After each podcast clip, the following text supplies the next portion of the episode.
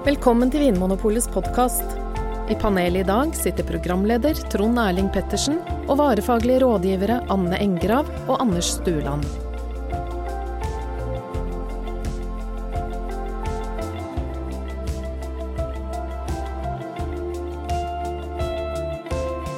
Velkommen, velkommen eh, til eh, Vinmonopolets podkast.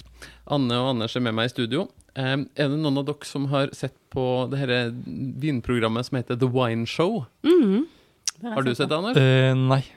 Anne, men du har eh, sett han her mm, programlederen, han lille uten hår, som heter Joe Fattorini. -huh. uh, Jeg leste på Twitter nylig noe han eh, skrev. Han skrev eh, eh, her er noen eh, vinfraser, vinuttrykk, som de kule kidsa bruker om dagen, og som vi kommer til å se mer av framover. Og da nevnte han annet et uttrykk, eh, vinos atlanticos. Vin fra Atlanterhavet. Og det du kanskje ikke vet, Anne, det er at en av de kuleste kidsa i vinverdenen sitter rett ved sida av oss nå og heter Anders Roa Stueland. Ja, det for vet du, du har jo reist rundt i eh, områdene som utgjør Vinos Atlanticos. Det har jeg. Mm. Og jeg har til og med badet i eh, Atlanticos. Los, Los Atlant Atlanticos. Ja, eller Atlanterhavet, da, som Ja jeg da, kanskje ja. kjenner det bedre som.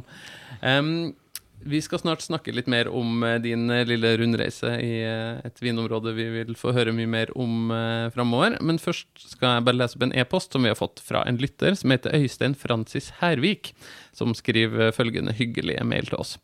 Hei, tusen takk for en flott podkast. Um, han skriver også at han vil berømme oss for å gjøre programmet ekstra interessant ved å ikke nevne navn på produsenter. Det er veldig hyggelig at du sier det, Øystein. Det er jo, eh, som du skriver, av og til er det fristende å nevne noen sånne konkrete eksempler på vinhus eller viner eller produsenter, men det har jo vi som Vinmonopolet ikke lov til. Både fordi det ville ha vært alkoholreklame og, og si liksom prøv Chateau Engrav, den er helt eh, fantastisk, eller hvis vi er Så hadde det vært urettferdig for alle de andre chateauene. Det hadde vært veldig urettferdig for Chateau Stueland hvis hvis vi skulle ha nevnt Mm. bare For da hadde jeg sendt en sånn sint e-post til, eh, ja, til til sjefen min, Mm. antageligvis. Så det handler jo litt om både alkoholreklameforbudet og våre egne regler for at vi skal likebehandle alle som selger produktene sine gjennom Mm. Vinmonopolet. Mm. Eh, men takk for skryt, Øystein. Eh, han eh, har sendt inn følgende spørsmål. Selv om dere har dekket Spania godt i podkasten, skulle jeg gjerne høre mer om Albarinho. Det er da ei vindrue. Og de siste årene har jeg nytt ulike viner av denne druen, uten egentlig å forstå hvordan den kan få like crispy mineralsk preg som viner som kommer fra Kimmeridge-områdene. Og da henviser da Øystein til en sånn type kalk som fins i Chablis og deler av Champagne. Eh, Har det med nærheten til havet, eller er det kalk også i nordvestre deler av Iberia? Altså den halvøya som eh, Spania og Portugal utgjør. Mm. Um, Albarinio er jo ei drue som jeg tenker har blitt mer og mer populær de siste årene, som eh, mange har fått øynene opp for. Kan minne litt om Riesling, tenker jeg ofte. Mhm. Ja. Eh, hvordan smaker en Albarinio, hvis vi skal ta det sånn helt, eh, helt kort? Tja. Du er inne på noe når du sier Riesling, at det er en ganske sånn tydelig fruktighet i vinene ofte.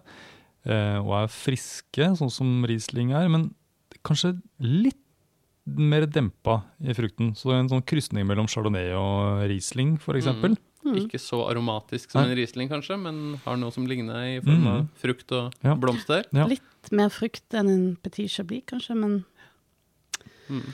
men den syrlige, slanke stilen som vi er så Mm. glad i her i Norge. Mm. Det er kanskje noe med den syrligheten og en ikke altfor overdøvende fruktighet som gjør at du kan tenke at her er det noe som minner om mineraler. Ja.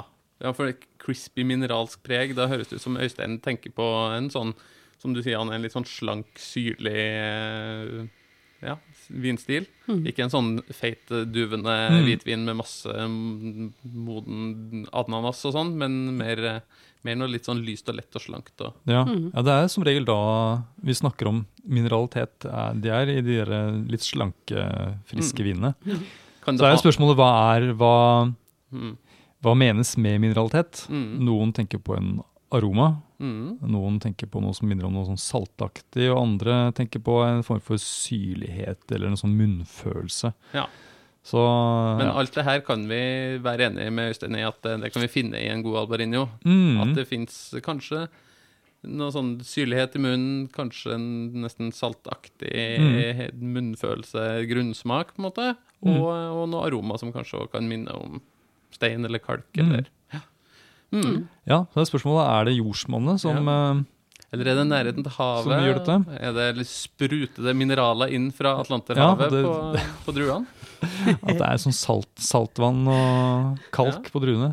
Tang og tare? Ja. Mm. Stort spørsmål. ja. Men uh, mye av det som mm, vi kjenner av de albarinjoene og alvarinjoene vi har her i Norge, har jo ofte en litt sånn uh, Ikke undermoden, men altså Det bærer jo også preg av modning. Og det handler jo litt om klima, og litt om noen sånne valg når man høster inn også. Mm. Og da får man jo også den syrligheten. Kan man forsterke den? Som kanskje Ja, ved, ved at man velger har. å plukke druene eh, litt før de er ferdig moden, tenker du? Ja, enten ved at man velger å høste de på et bestemt tidspunkt, før de er liksom full, full, fullmodne. Mm. Det kan jo være et stilvalg.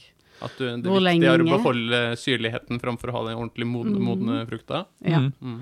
Og så kan det være at hvis det er vinmarker som er litt kjøligere pga. nærheten til havet, så modnes de seinere, altså. Mm. Og beholder en annen form for syre. Ja, Så nærheten til havet er kanskje viktigere i form av sånn temperatur enn Mm. eh, mer at det spruter tang og tare inn fra mm. med ja, bølgene. Nå har ikke jeg helt sånn full oversikt over jordsmonnstyper der eh, albarinho eller alvarinho dyrkes i, i Spania og Portugal, men mm, der vi var på tur nå nylig, så var det vel mye granitt og ikke så fryktelig mye kalkjordsmonn, da. Mm. Så det er ikke nødvendigvis Det, det er i hvert fall ikke bare det som er forklaringa på Nei. at han kjenner igjen noe, noe mineralsk. Det kan nok være en kombinasjon, jeg tenker en kombinasjon av klima, eh, selvfølgelig druetype, men også hvordan vinene lages. Mm. Og som du sier at det er kanskje ikke sånn veldig, veldig modne druer. Eh, mye bruk av ståltank f.eks. Mm. Ikke så mye gjæring på fat med eik. Nei. Selv om det er jo en, en egen stil innenfor eh, for Albarina, og i hvert fall blitt etter hvert, at det liksom litt dyrere viner fra en produsent Mm. kan gjerne ha vært, vært en runde innom fat. da. Sånn er det vel gjerne i hele vinverdenen. At Ja da. eh, liksom Det- de dyre for seg gjort vinene legger man ofte litt på fat. Ja. Men det er jo kanskje som du er inne på, at uh, hvis man lager vin i en sånn fruktig, utilslørt stil, da, uten å bruke nye eikefat som setter sitt preg på vin, så kanskje det er lettere å få fram en sånn mineralsk, Mm. Eh, et mineralsk preg på vinen. Mm. Eh, dere har begge nevnt nå albarinho og alvarinho. Mm. Det er samme drue, Mm. men eh, på to forskjellige sider av ei landegrense. Mm. Ja, ehm, Er det ikke fordi spanjolene sier ofte B istedenfor V? ja, det er kanskje det. ja eh, fordi, Very good, sier Ja, de. Ja. very good. ja, og vi, vi var jo da i et område som heter eh, Ribeiro, trodde jeg det het. Ja. Men eh, når vi eh, kom dit, så sa produsenten 'Welcome to Ribeiro'. Ja, det er, det er litt forvirrende. Dette er det, Hva er problemet her? det, det spanske språket om B og V, det ble jeg aldri klok på. Men det var flere som sa det. Jeg hadde en tennistrener en gang som snakka om volley. Hæ? Volley. Volley? Ja, det tok Ah, lang tid for jeg å forstå at det var volley. de bytter om V og B. om, B og V-forvirra. det er utrolig komplisert. Men i hvert fall, vi får prøve å rydde opp, da. Albarinho og Alvarinho, Samme samme, drue, ja. bare to Ja. forskjellige Ja, navn. Spania, Portugal. Mm. Og hva er på en måte kjerneområdet til drue Alvarinho? Kan jeg først, før, før, vi går, før vi går videre, for jeg lurer på akkurat det, for nå har jeg lært det at det heter Ribeiro, Mm, for, om Ribeiro. mm. Eh, er det da riktig av meg, når jeg snakker med folk om viner derfra, at jeg liksom sier ja, disse, disse vinene fra Riveiro Mm. uh, er sånn og sånn, eller er det, blir det veldig snobbete?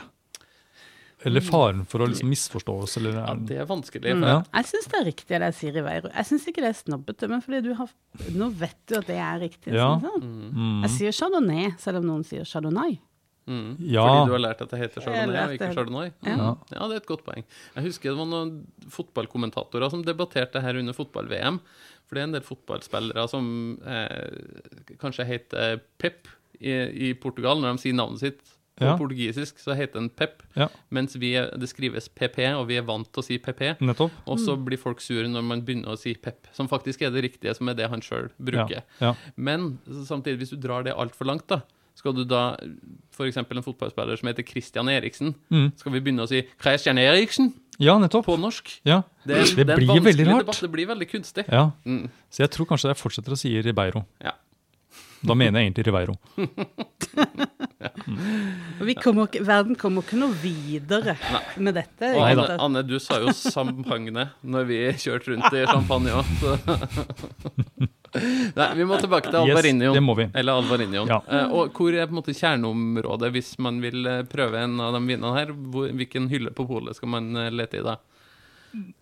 Ja, du, må jo til, til Spania eller til Portugal. Ja. Ja, og så er da I Spania så er det da et område som heter Galicia, som da inneholder flere vindistrikter. Og da er det jo et område som heter Rias Baixas. Mm. Eller, Rias Baixas. Baixas. Baixas. Der har vi akkurat det samme problemet. Men det føles så godt å si Rias Baixas. Ja. Si det en gang til. Anne, vær stille, vi må høre.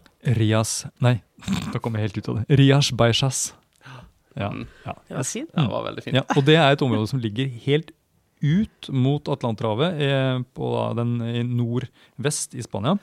Altså over Portugal, på en måte? Ja. På toppen av Portugal? Mm. Den Eh, lille tarmen av Spania som Ja. stikker ut. og det er et sånt kjerneområde for Albarinho. Albarinho. mm. Mhm. Men de dyrker det også litt lenger inn i uh, Galicia. Uh, da er det liksom en, en elv som heter Minho, som deler Portugal og Spania. Der på spansksiden så dyrker de albarinio, og også i noen dalfører litt nord for det igjen. Mm. Ja. Ja. Mm. Så er det Portugal, selvfølgelig. Mhm. Eh, og det er et område som heter Vino Verde, eller Vinho Verde. Mm. Uttale spesial i dag. Som sikkert mange har hørt om. Mm. Eh, Vinho Verde betyr vel grønn vin, egentlig? Ja, og det skal vi tilbake til etterpå, tenkte jeg.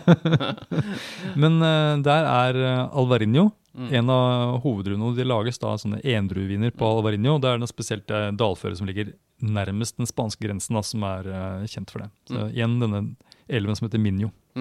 Og så er det sikkert noe i California. oh, ja, ja, i California, du kan banne på at der er det California, og så sikkert en eller annen eh, obskur australsk produsent. Og tenker sånn, Sikkert. Men det er fortsatt hvitvin de lager i Portugal, altså, selv om det heter Vinjo Verde. Så er ikke vinen grønn. Nei da, Den er hvit. den er hvit, ja. Mm.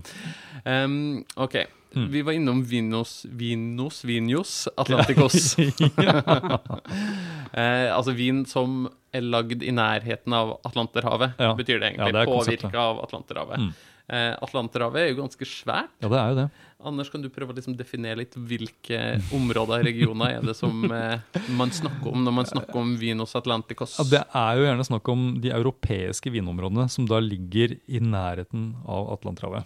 Ja, og der Og hvor går grensen da? Liksom, hva er nært? Um, Og hvorfor bare den europeiske? Hva er da vitsen Ja. å kalle det nei, men sånn er det med mange okay, ting, da. tenker jeg. Så Ok, er da. Ja. Eh, og i Frankrike så er det jo områder som f.eks. Muscadet, Mm, ytterst i Loiredalen. ytterst i eh, Loire. Og så har vi Bordeaux, som ligger da sør for uh, Muscadet igjen. Uh, og så er det vel egentlig ikke så da hmm, ja, Det er noe sånn sørvest i Frankrike, men jeg tror ikke vi regner det som Atlanterhavsvin. Nei, for det er litt mer mot Pyreneene Ja. og sånn og lenger inn i Ja. landet. -hmm. Så da er vi, eh, kommer vi over på den spanske siden, og da er det Bilbao og området rundt der, Mm. Baskeland. Baskeland, som lager eh, en del eh, hvitvin. Som Mm. eh, Chacolina og andre viner med masse, Suri. masse konsonanter Mm. og x-er. Ja. Det er helt klart Atlanterhavsvin. Mm. Og så er det siderland et godt stykke, før vi da liksom runder tuppen og da kommer til eh, Rias, eh, og dalførene innafor, og da selvfølgelig Vinjo Verde. Mhm. Og så Og nå er vi på vei nedover er Portugalkysten. nettopp. Mm. Og så er det da noen litt sånn, litt sånn obskure områder som kommer eh, et stykke sør, da, som ja. eh, Colares, blant annet. Ja, som ligger litt sånn utafor Lisboa, nord Mm. for Lisboa, ut mot kysten. Ja, klemt inn mellom noen sånne nyutbygde feriekolonier. Ja. Det veldig spesielt Men område. Men Ja. sherry Og så har vi sherry, og det vil jeg Mm. si er absolutt Det et bør jo være en del. Atlanterhavs... eh, og- ja. Og da er vi helt sør i Spania. Ja. En liten sånn huk inn i eh, Mm. Før du kommer til Gib- Gibraltar-stedet.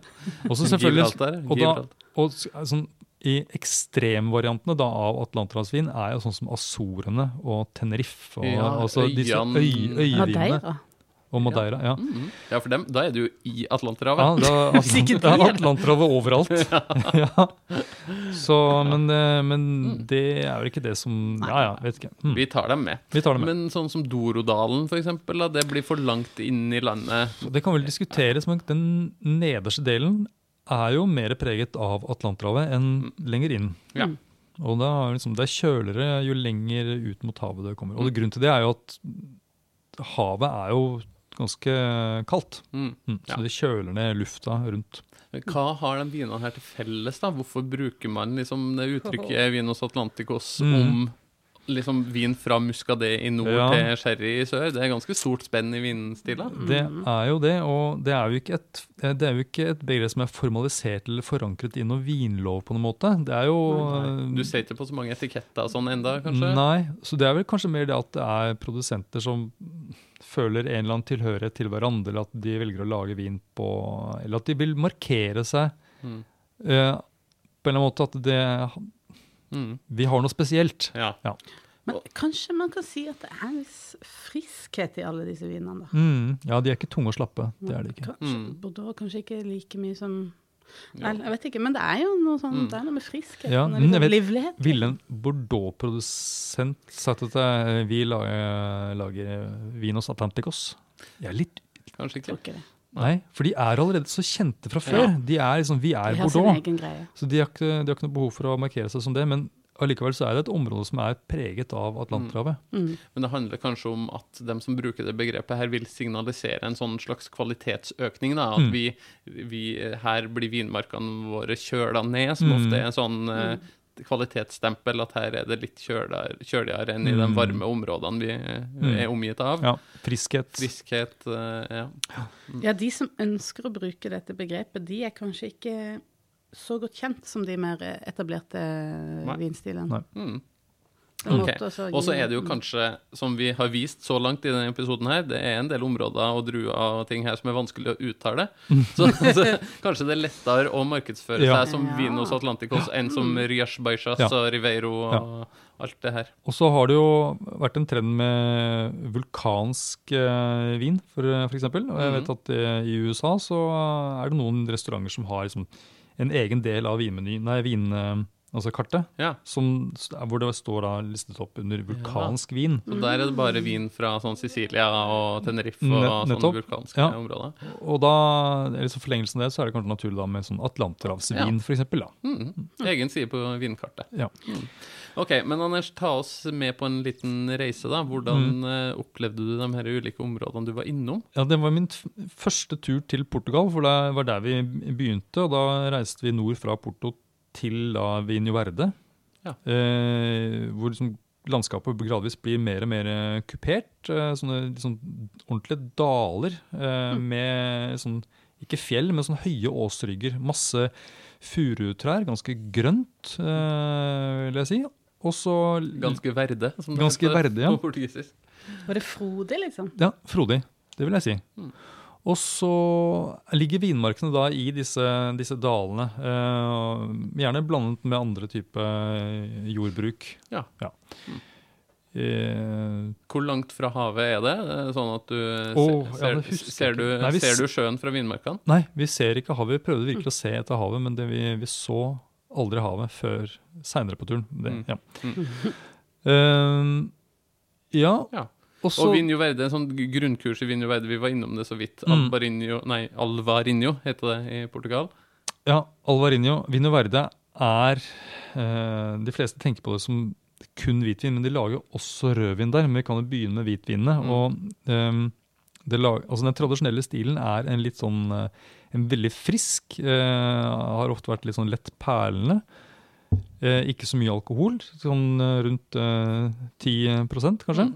Så en, lett, frisk hvitvin, og gjerne vært en blanding av forskjellige druer som Alvarinho og en drue som heter Lureiro. Mm.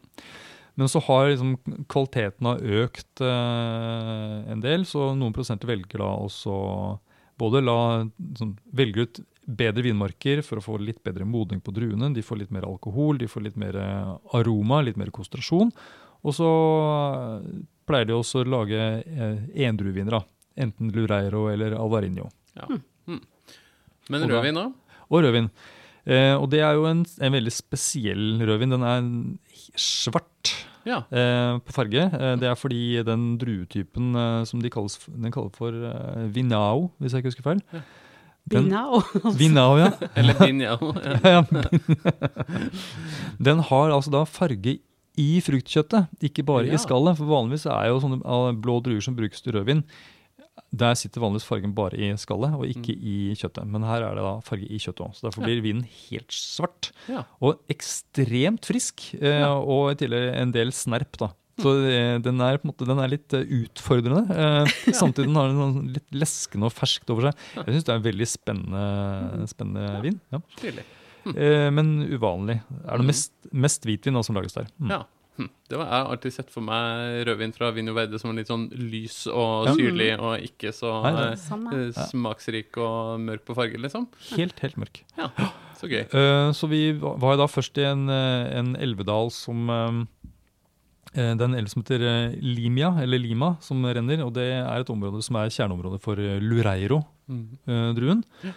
Som kanskje gir noe litt mer sånn Nesten en sånn furunålsaktig aroma. Mm. Eh, noen sier at det minner om laurbærblad. Ja, sånn, nesten sånn blanding av laurbær og noen sånn hvite blomster, sånn hylleblomstaktig, uten at den er sånn kjempearomatisk. Ja. Men jeg syns det er ganske stilige hvitviner. Ja, sånn absolutt. Loreiro-viner. Ja, De er også friske. Og så er det da en, det dalføret som da ligger helt nord opp mot uh, spanskegrensa. Mm. eh, der hvor Minjo-elven uh, renner. Der er det da Alvarinho. Mm. Og det er jo kanskje hakket friskere enn Lureiro, og litt mer mot noe sånn sitrusgrønt eple-preget. Det er en fin huskeregel. Mm. Albarinho ved Minho. Ja, Det er lett å huske. den er fin. Mm. Lureiro ved Limia. Ja. Nei, og så eh, kjørte vi videre da opp til Spania, og da kom vi da til Ribeiro. Mm. eller Riveiro. Som da er et sånt område som ligger klemt inn mellom eh, Ribeira Sacra, Mm. som er kjent, og Rias Beisas, som er kjent. Så Ribeiro er liksom har ikke fått den samme oppmerksomheten som eh, områdene rundt. Men Nei. der lager de både rødvin og hvitvin, og har også noen litt sånne lokale druetyper som Trashadura og Godello, blant annet. Um, så Trashadura er en sånn drue som ikke gir så mye aroma, men mer en litt sånn fet, litt sånn ru munnfølelse. Det er en sånn munnfølelsedrue. Ja. Ja. Og vin. Og vin, ja. Og Godello gir mer en sånn, en sånn fersken, grønne eple, frisk hvitvin. Hvordan ser det ut i Ribeiro sammenligna med i Vinje Verde? Ja, De ligner egentlig på hverandre. Fremdeles sånn, sånn kupert. eh, Sånne elvedaler og sånt nå. Eh, Kanskje litt ikke fullt så frodig, Mm. vil jeg, vil jeg si. Mm. Du merker at det er liksom kanskje litt lenger unna Atlanterhavet. Mm. Ja, Så vi spurte produsentene i Ribeiro, Ribeiro om de er, liksom, vil de si at de er Atlanterhavs vinprodusenter. Og flere da som sa at ja, vi har, det er noen fjell her som måtte heldigvis stenger på en måte det verste været fra Atlanterhavet ute. Ja, for det de er redd for, er litt sånn nedbør og Mye regn og for kaldt og sånn. Ja. Mm. Ja, Så det må ikke bli for atlantisk heller. Nei da, som passe atlantisk. Ja. Nei, da, og så reiste vi da videre til området som heter Ribeira Sacra, Ja. og det var helt vilt. Ja, der har du At, vært, Anne. Ja, det er helt Det er et av de sjukeste områdene jeg har vært. Ja. Ja. Anne, mal et bilde. Hvordan ser det ut i Ribera Sacra? Mm, det er så bratt. Det er jo det som er det, det sprøeste, egentlig. Det er veldig, veldig bratt. Og så ligger den elven nederst i den dalen. Litt sånn trang dal, Ja. med Ja. masse terrasser opp. Altså, det har de gått og båret stein for hånd. Ja. Og lagt på stein på stein på stein på stein. på stein. Og det er så mye stein. Det er stein overalt. Stein og vinplanter. Ja, Ja. Minner litt om Dorodalen i Portugal, hvis noen har sett bilder mm. derifra. Med liksom stup, Trappetrinn, trappetrinn. terrasser og trappetrinn, og så er elv nederst i dalen som ligger der og blinker Ja. blå. Og jeg, Faktisk en litt sånn ekstrem variant av Dorodalen, hvis Ja. det går an å si. ja. Ja, for jeg, var- jeg var jo litt forberedt. Jeg visste at det var et bratt der, og sånt, men vi kjørte da over en litt sånn slak eh, åsrygg, og så plutselig, plutselig så var vi der. Og det bare så jeg rett ned i en sånn sluk, nærmest. Eh, og de vinmarkene er altså så bratte. Jeg tror noe av de bratteste er 85 graders helning. Oi, oi, oi. 90 grader er jo rett opp. Ja. Nei, det, er noen Kitzbühel. ja, det er, så det er, det er eneste måten å få ting til å gro det, er å hogge ut og bygge terrasser. Eh, og det er umulig å ha noen traktorer eller noe, noe sånt der. Du må, alt må gjøres for hånd. Ja. Og for å få fraktet da druene opp eller ned, så har de sånne heiser som går på Eller sånne på Skinner, skinner. Frakter de eh, alle druene Men opp hvorfor ned. begynte de? Sånn, Hva var det som fikk den første personen til å gjøre det der? Jeg tror at Som mange andre steder så fant du ut at det var enten oliven eller druer som var det eneste som var mulig å dyrke i disse områdene. Jeg Fikk ikke noe annet å gro der, Ja. eh, så da brukte de området til det. Ja. Og vi så jo altså at det var eh, terrasser som lå brakk på andre siden av, eh, av dalen. Så det var i gamle dager så var det vinmarker på begge sider. Nå er det stort sett da på eh, det som da blir sør... Blir det sørsida? Eller Ja. Det var for, i den på, på den ene sida. Ja. Solsida. På, sol, på solsida, selvfølgelig. Det er jo der de, det er der de beste vinmarkene er. Men Ja. ja, det er helt, helt fantastisk. Og der er det en druetype som heter Mencia som Mm. brukes. Um, eh, gir da liksom intense, ganske konsentrerte, men allikevel ganske livlige uh, rødviner. Som eh, minner om litt sånn rånvin, vil jeg si. Litt sånn syra-aktig. sånn sånne Ja. hint av pepper og lakris og mørkebær, skogsbær Mm. og sånt noe. Vin som kan lagres eh, lenge. Eh, ja, er det, Har det noe til felles med rån? Altså, det er jo veldig bratt enkelte steder. Mm. Nordrån òg, er det litt sånn samme type jordsmonn med granitt og sånne ting? Ja, nesten bare granitt. Granitt, granitt, granitt. Ja. Eller branitt, som det heter Ja. på spansk. og en annen ting som var interessant med um, dette området, var at det, er masse, masse små parseller. Det er sånn at eh, en person eller en familie eier da kanskje liksom to rader med vinplanter. Eh, og eh, en produsent fortalte om at gjennomsnittsalderen på eieren av disse parsellene er 65 år. Så det er stort sett gamle gubber som går rundt og, håndterer disse vinplantene i sånne kjempebratte vinmarker. Det er jo på en måte noe som ikke stemmer her. Kanskje de blir gamle veldig gamle. vinstokker er vanlig rundt omkring i verden, men Ja. gamle er vineiere Gamle vineiere. Er Vinjeron.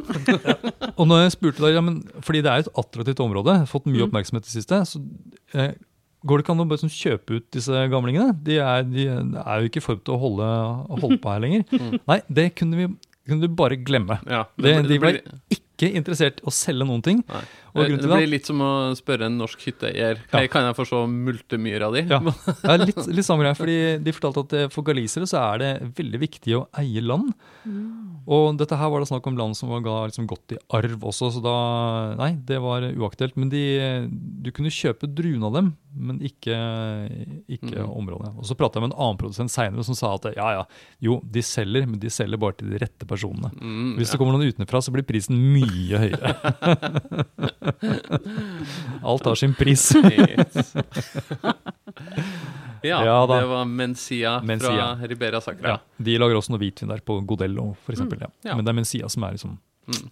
det største. Spanias Mm. syra. Og så tok vi BMW-en vår og kjørte oh, Tvers. BMW er blitt så fint på den, nå. ja, og kjørte tvers gjennom Portugal. Ja, det heter VMV i Spania. Ja, BMW. ned til Lisboa, til Colares, til et annet sjukt vinområde. Det var altså to sjuke vinområder etter hverandre. Det er Ja. sånne ekstremvarianter. Mm. Colares, Ja, og der som vi var inne på. Det var det som lå utafor Lisboa. Ja. Klemt inn mellom noen nybygde ferieleiligheter. Stemmer, det er liksom nesten som en liten halvøy. Eh, ja, med en by som heter Sintra, blant annet. Veldig, veldig fint der, altså.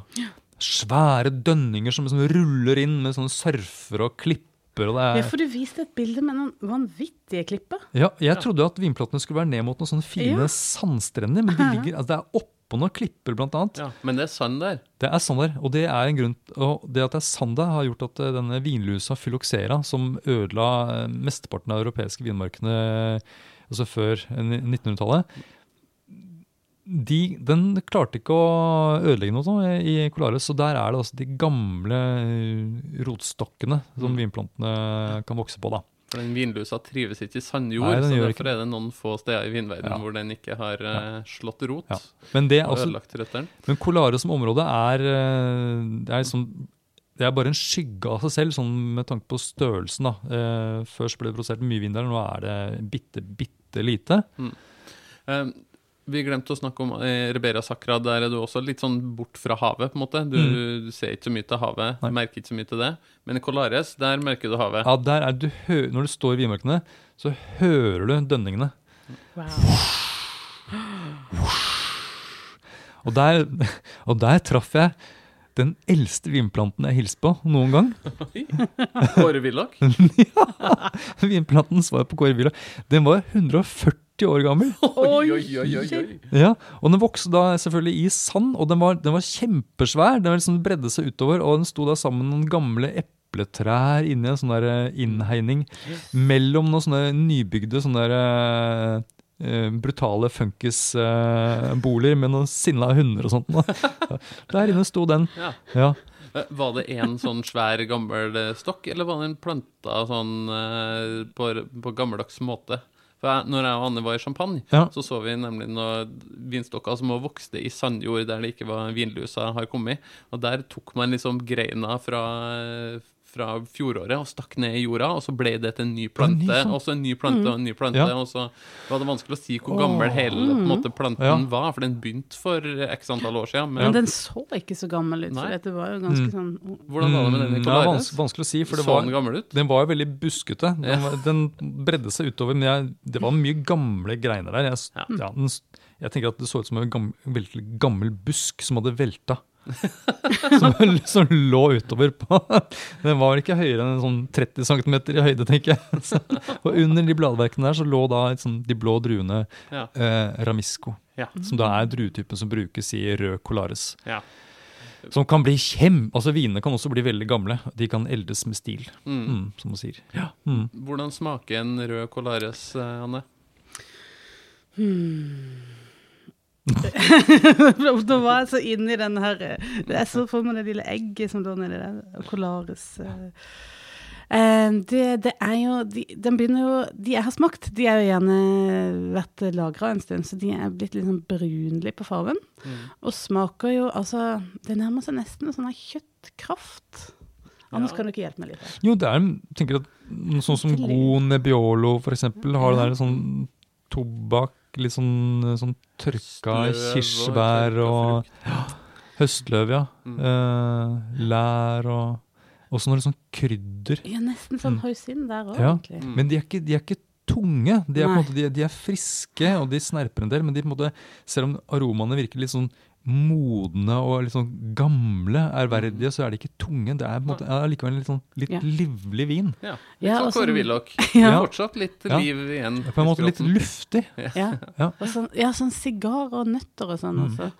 Og veldig friske. Ja. Men det, sånn det er noe med det litt sånn kraftaktige som du snakka om. Anne. Vi Mm. hadde jo en Colares en gang til en sånn uh, fiskerett, husker jeg. En sånn torsk i en sånn dashi, sånn japansk sånn fiskekraft. Mm. Som, det var kjempegodt. Satt som uh, skudd, et skudd til sånne umami, Mm. umami-mat. Var det den vi prøvde? til røkt reinsdyrhjerte? Nei, det var Madeira. Det var Madeira, det. ja.